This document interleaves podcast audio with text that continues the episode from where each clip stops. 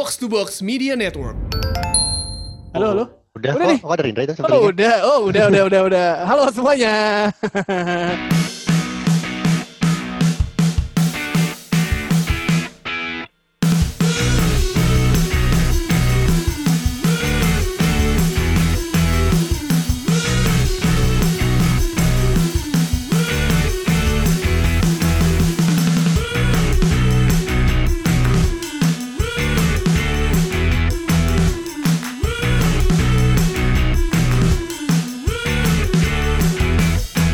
biasa kembali di Box to Box Football Live from Home yang kesekian dan formasi yang biasa-biasa saja seperti biasa. Cek kembali.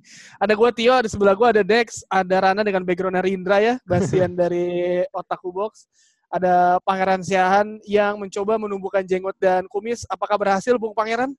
Eh, kita doakan saja. Ini kan lagi bulan yang baik, semua orang berharap bisa sukses di bulan ini.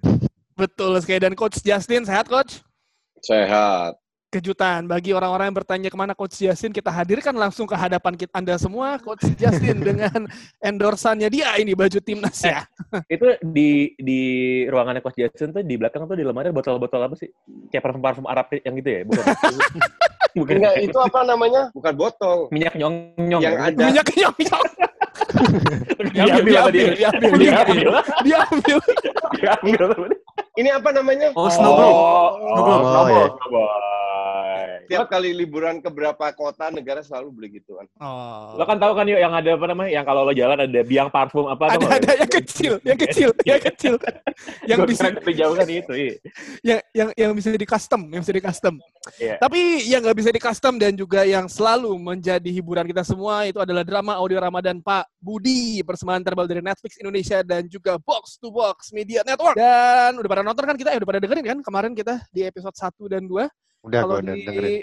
episode 2 kemarin Pak Budi berniat bertemu anaknya setelah nonton dokumenter Street Food Asia di Netflix. Di Hmm. tengah perjalanan Pak Budi mengalami kecelakaan dan muncul juga masalah-masalah dari anak kedua anaknya. Dan di episode 3 nanti yang udah tayang itu Pak Budi karena insiden kecelakaannya ternyata membuat kedua anaknya pulang ke rumah. Alhamdulillah ya Allah berkah Ramadan. Kemudian muncul juga ide dari Pak Budi untuk membuat keluarganya hangat kembali saat seperti masih ada mendiang istrinya dengan cara merenovasi rumah. Pak Budi terinspirasi dari show The World Most Ordinary Homes, tapi apa situasi apakah situasi kebersamaan ini akan bertahan lama? Buat kalian yang baru ingin mendengarkan ataupun yang sudah mendengarkan yang main keren-keren ada Teza Sumendra sebagai narator, Salma Cetiza sebagai Laras, Ucita Pohat sebagai Dinda, Prit Timothy sebagai Pak Budi dan juga musik produksi dari Mondo Gascaro. Hadir mingguan setiap hari Selasa di platform streaming Spotify dan Apple Music. Cari aja Ramadan Pak Budi. Jangan lupa buat dengerin episode sebelumnya karena episode 3 akan tayang hari Selasa tanggal 5 Mei 2020. Tungguin dan jangan sampai ketinggalan. Kalau Ramadan kali ini seharusnya kita sudah bersiap-siap untuk menyaksikan Piala Eropa 2020 ya. Tapi apa daya tidak jadi Piala Eropa diundur ke tahun depan bahkan Olimpiade pun juga satu yang pasti yang belum diundur adalah Fuji Rock Festival masih belum ada tanda-tanda diundur tapi Euro sudah diundur ke 2021 Ya sebenarnya kita nih mau disuguhkan dengan tayangan menarik di tengah tahun ini. Soalnya selain ada Euro juga ada Copa Amerika kan. Itu dua kiblat sepak bola Amerika Selatan dan Eropa. Sayangnya kan diundur ke 2021.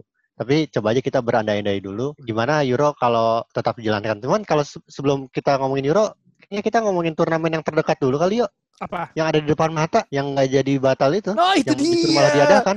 Ini turnamen abad ini di mana akan mempertemukan football genius ya di seluruh Indonesia yang akan dipandu secara langsung oleh Pansiaan. Dan pertandingan nanti malam pertama siapa kek pertandingan pertamanya? Eh, pertandingan pertama itu Aun Rahman bertemu dengan Firzi Idris.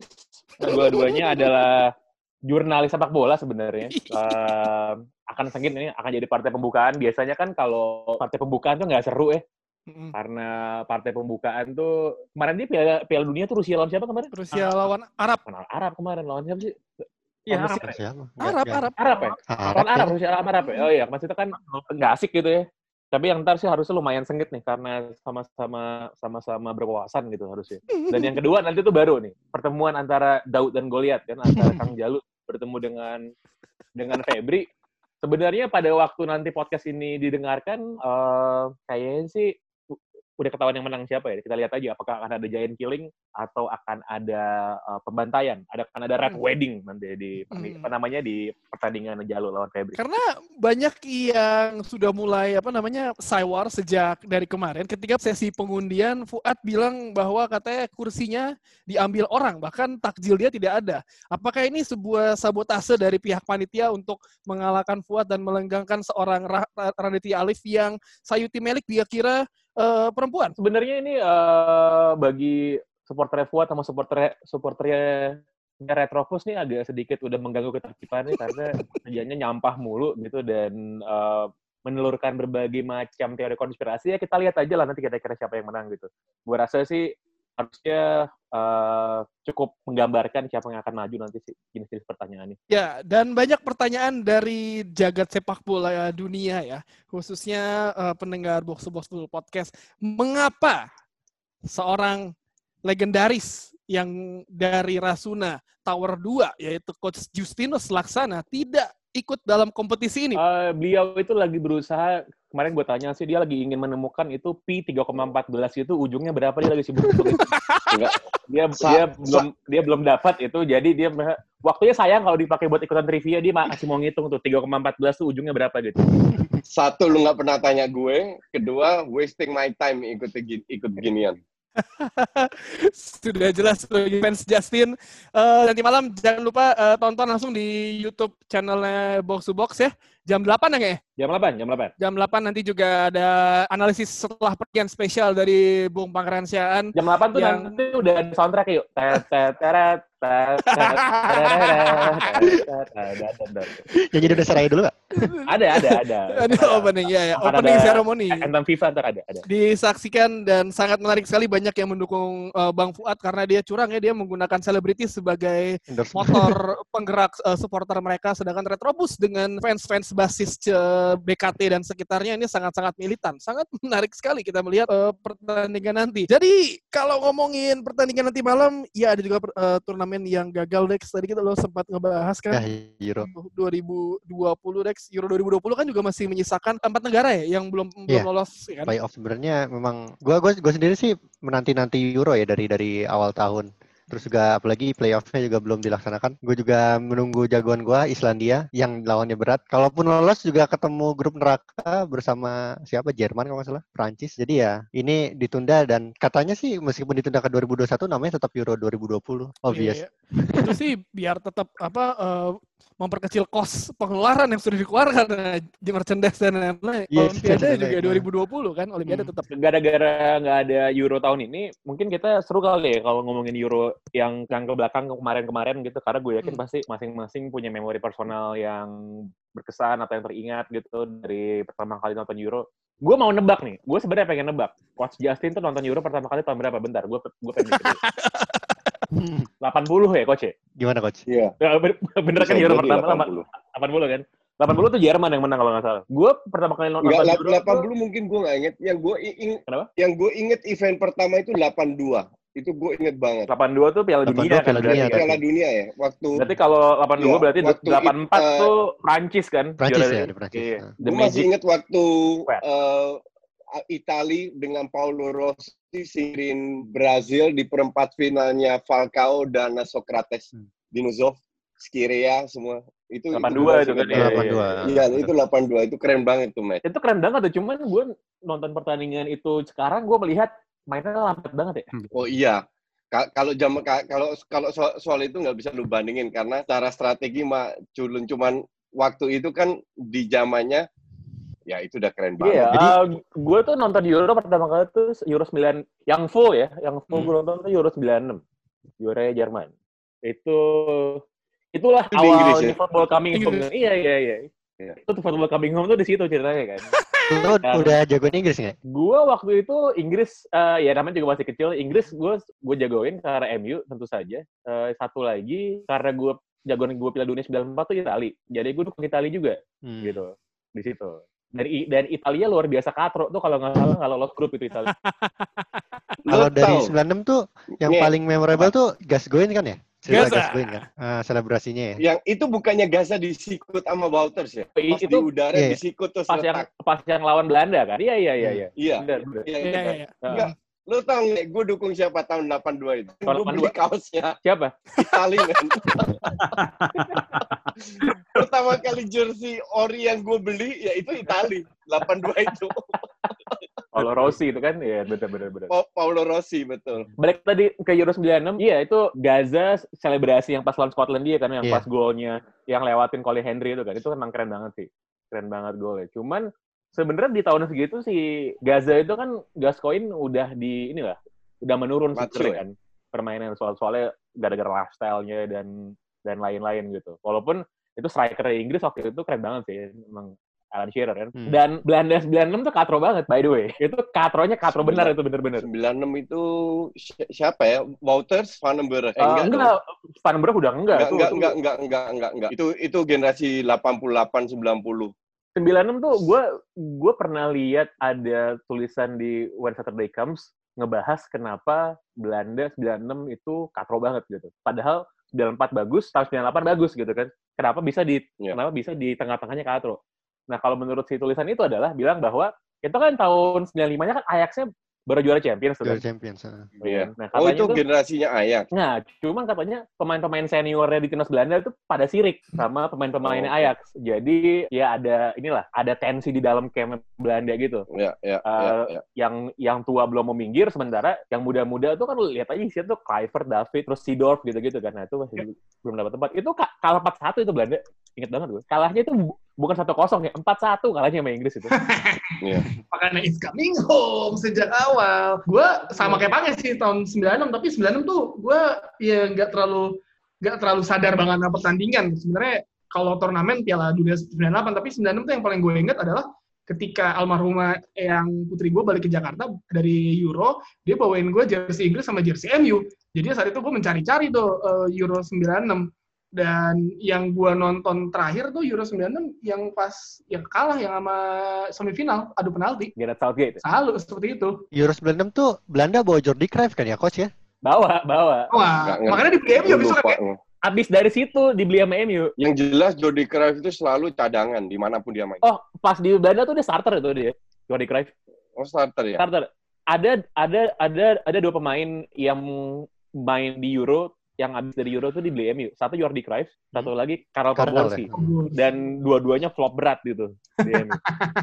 dan dan kalau lo lihat ini, kalau lo lihat Euro 96 tuh kan sampai sekarang orang Inggris tuh masih punya sentimen kepada Euro 96 lah. Karena merasa bahwa ya itu terakhir kali ada turnamen besar di di host di Inggris, lalu juga apa namanya lagi era ini kan, lagi era bangkitnya sepak bola Inggris gitu secara domestik, jadi emang hype gede banget.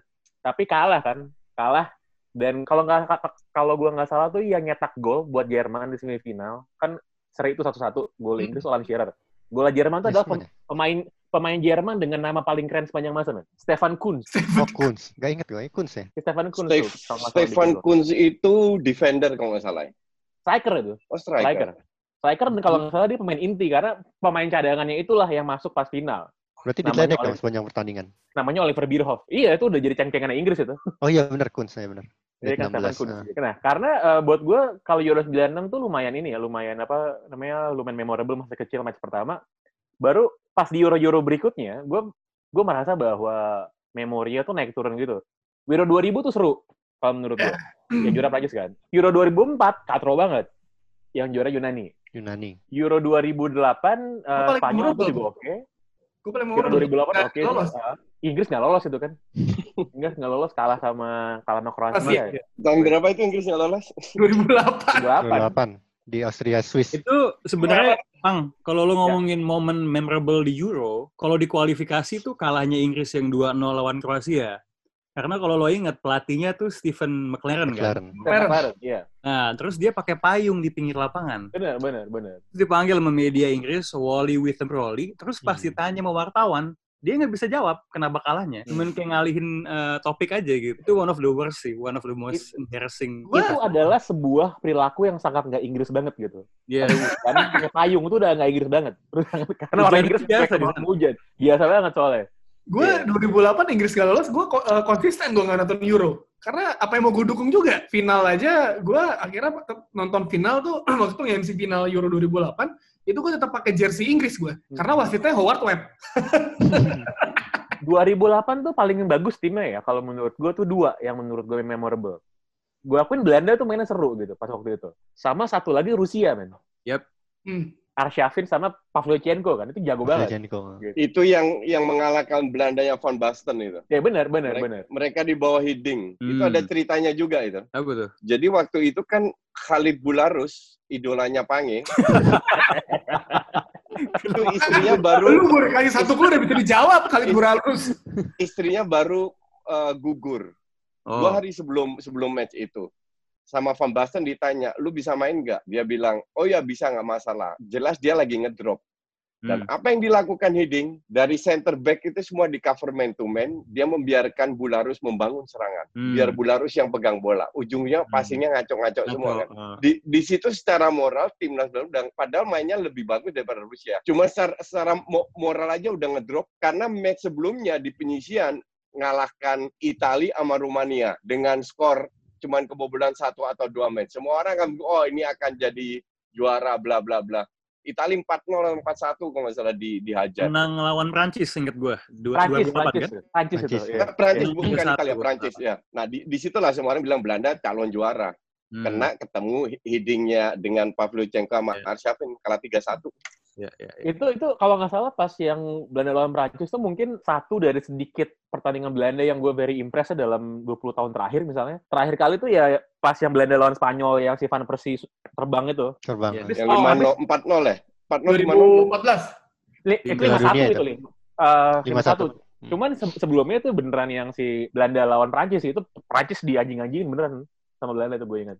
Lo inget gak sih si abis 2-0 Thierry Henry golin langsung dibalas sama Robben, seinget Iya, gua tuh. iya, iya, benar, benar, ya? benar. Iya. Itu gila sih. Nah, dan apa namanya, eh, 2008 tuh juga adalah menurut gua tim Spanyol terbaik dan paling enak ditonton, timnasnya ya, itu tim Spanyol ya 2008 sih menurut gue.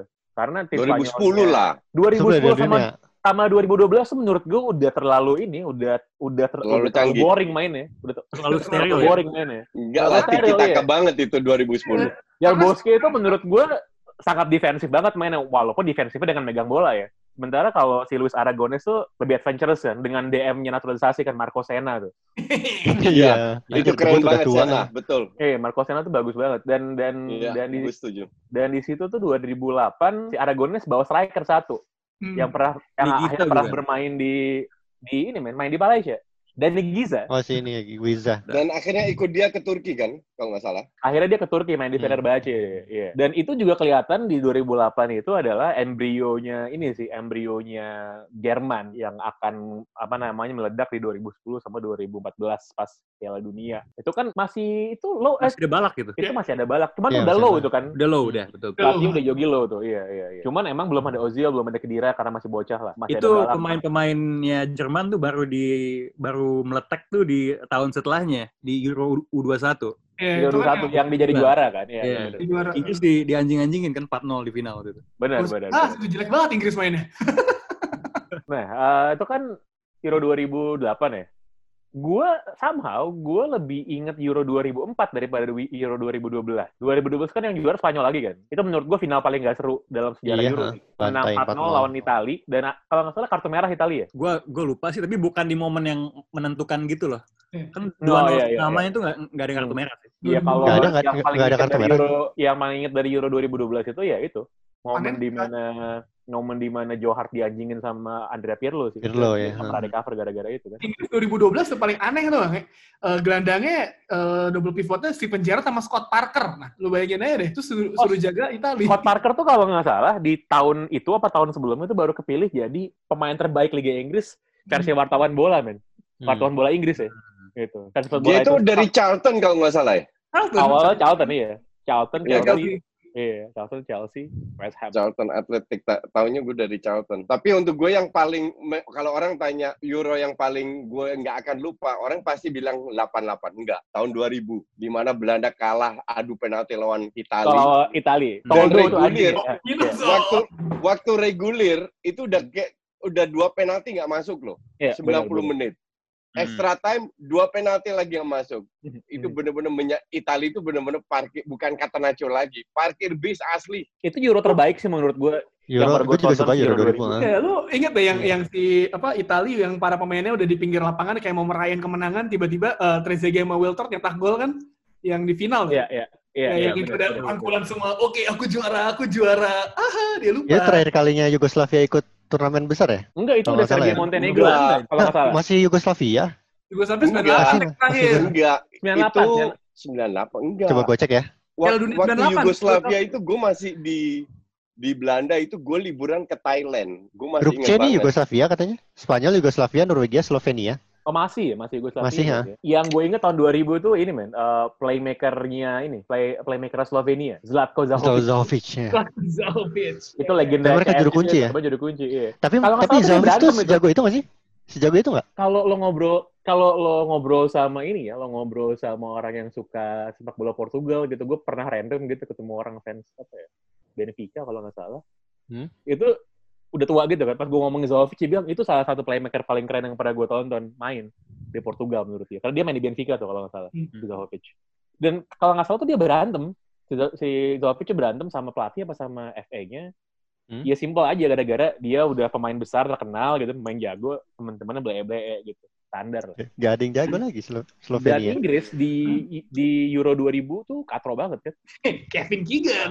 Inggris peringkat ketiga di grup. Sama kayak jagoan gue dulu entah kenapa gue jagoin Belgia. Gak Itu gara-gara Phil. Neville penalti kan ya, terakhir si Inggris. Gara-gara Phil Neville, iya iya. Harusnya itu minimal seri kan lawan Romania match terakhir. Terus seperti biasa minimal seri, soalnya kalah. Hiburan. Eh, padahal udah udah ngalahin, Je- ngalahin Jerman, Alan Shearer.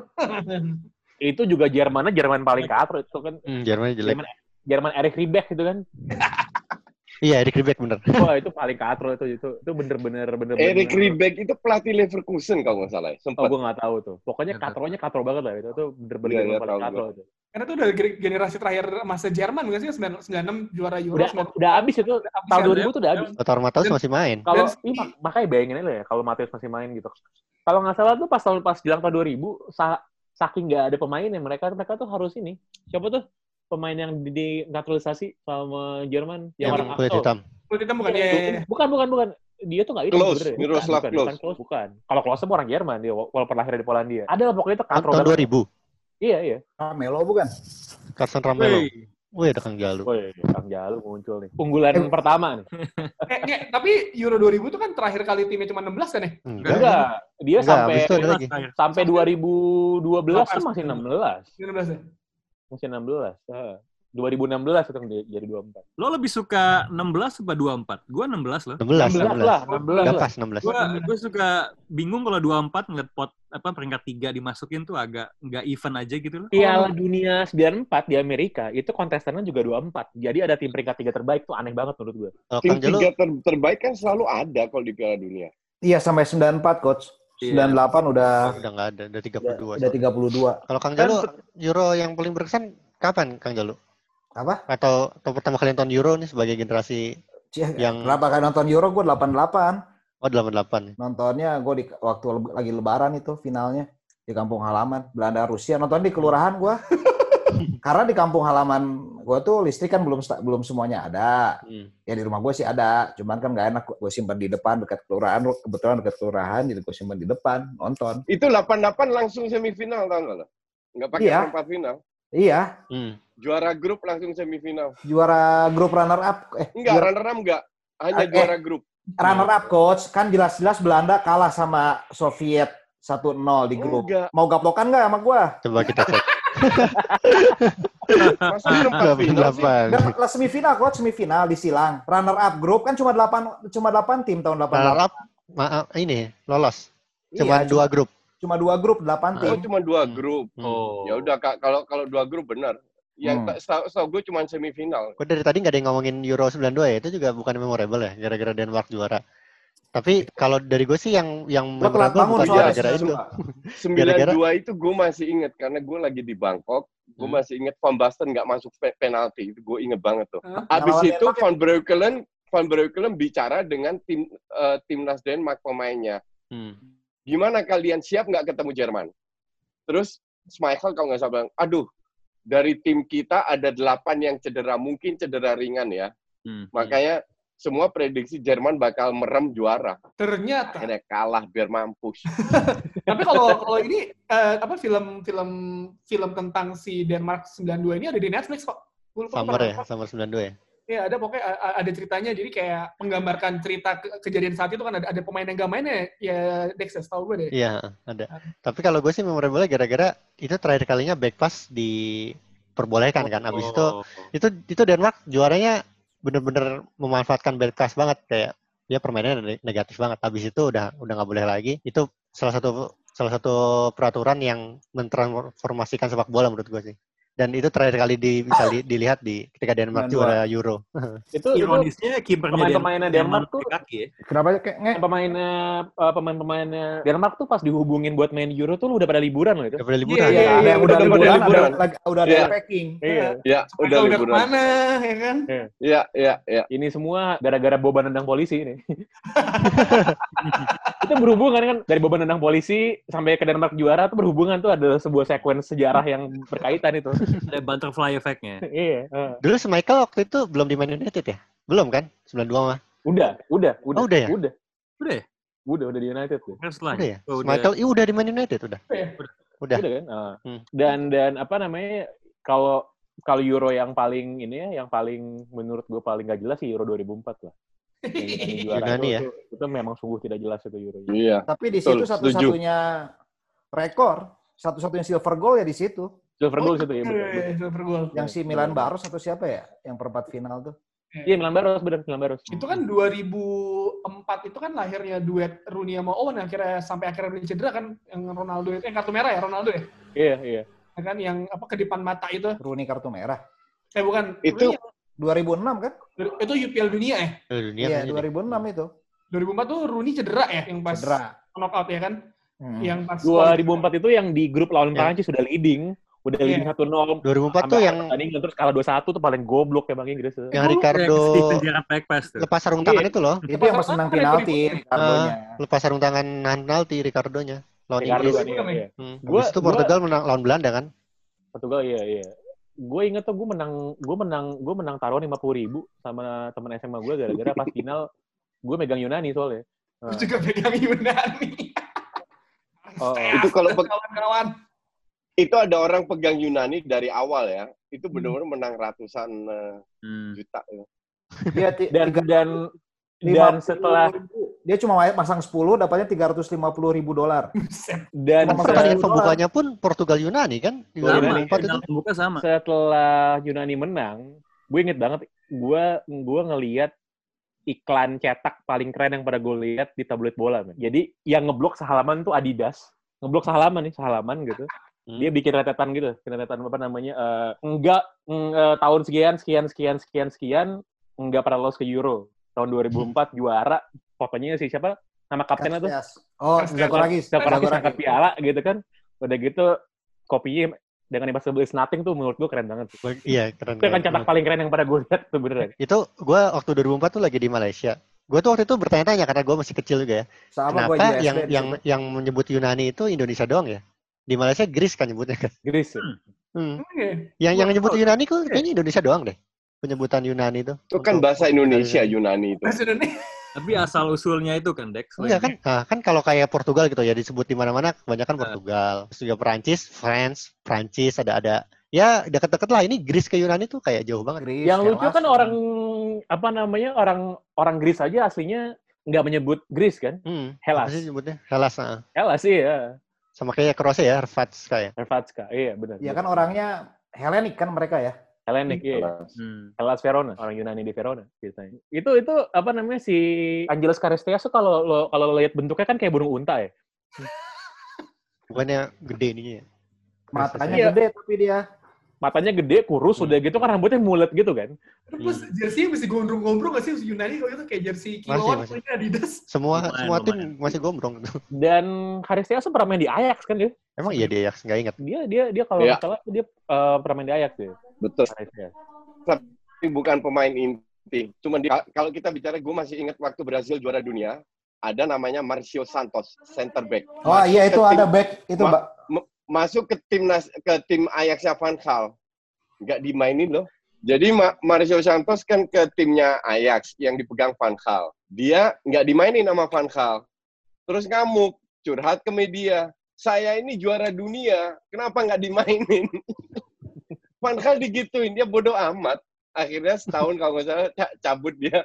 Kalau di Inggris tuh ada yang minta nomor punggung 10 siapa ya, nge? Di The Mixer kok gue lupa deh. Ingat gak? Pas kapan nih? Ada ada ada pemain bola bagus juga, terus dia pindah ke Boro apa ke mana gitu. Terus dia minta nomor 10 nggak dikasih. Gue ini jago, gue butuh gue pengen nomor 10. Karena dikasih nomor 16 atau berapa gitu. Itu di The Mixer sih gue gue lihatnya, cuman gue lupa itu siapa pemainnya. Di Boro tahun berapa? Gak inget gue, 99 kali. Itu kasusnya juga sama kayak yang coach ceritain sih. Eh, Dex, ini ada Dex. Apa? Greece disebut Yunani karena terpengaruh budaya Arab. Oh, pengaruh budaya Arab. Ah, Ter- emang Arab nyebutnya Yunani ya? ada nama daerah Yunani namanya Ionia. Ionia. Disebutnya Oh. nama itunya Yunan atau Yu- Yunanistan daerahnya namanya. Yunan itu Cina, Keles. Yunan. Ini Yunanistan, coach. Yunanistan. Ya gua tahu Yunan mah di Cina. Arab kita eh Arab Islam kita kan dari Yunan.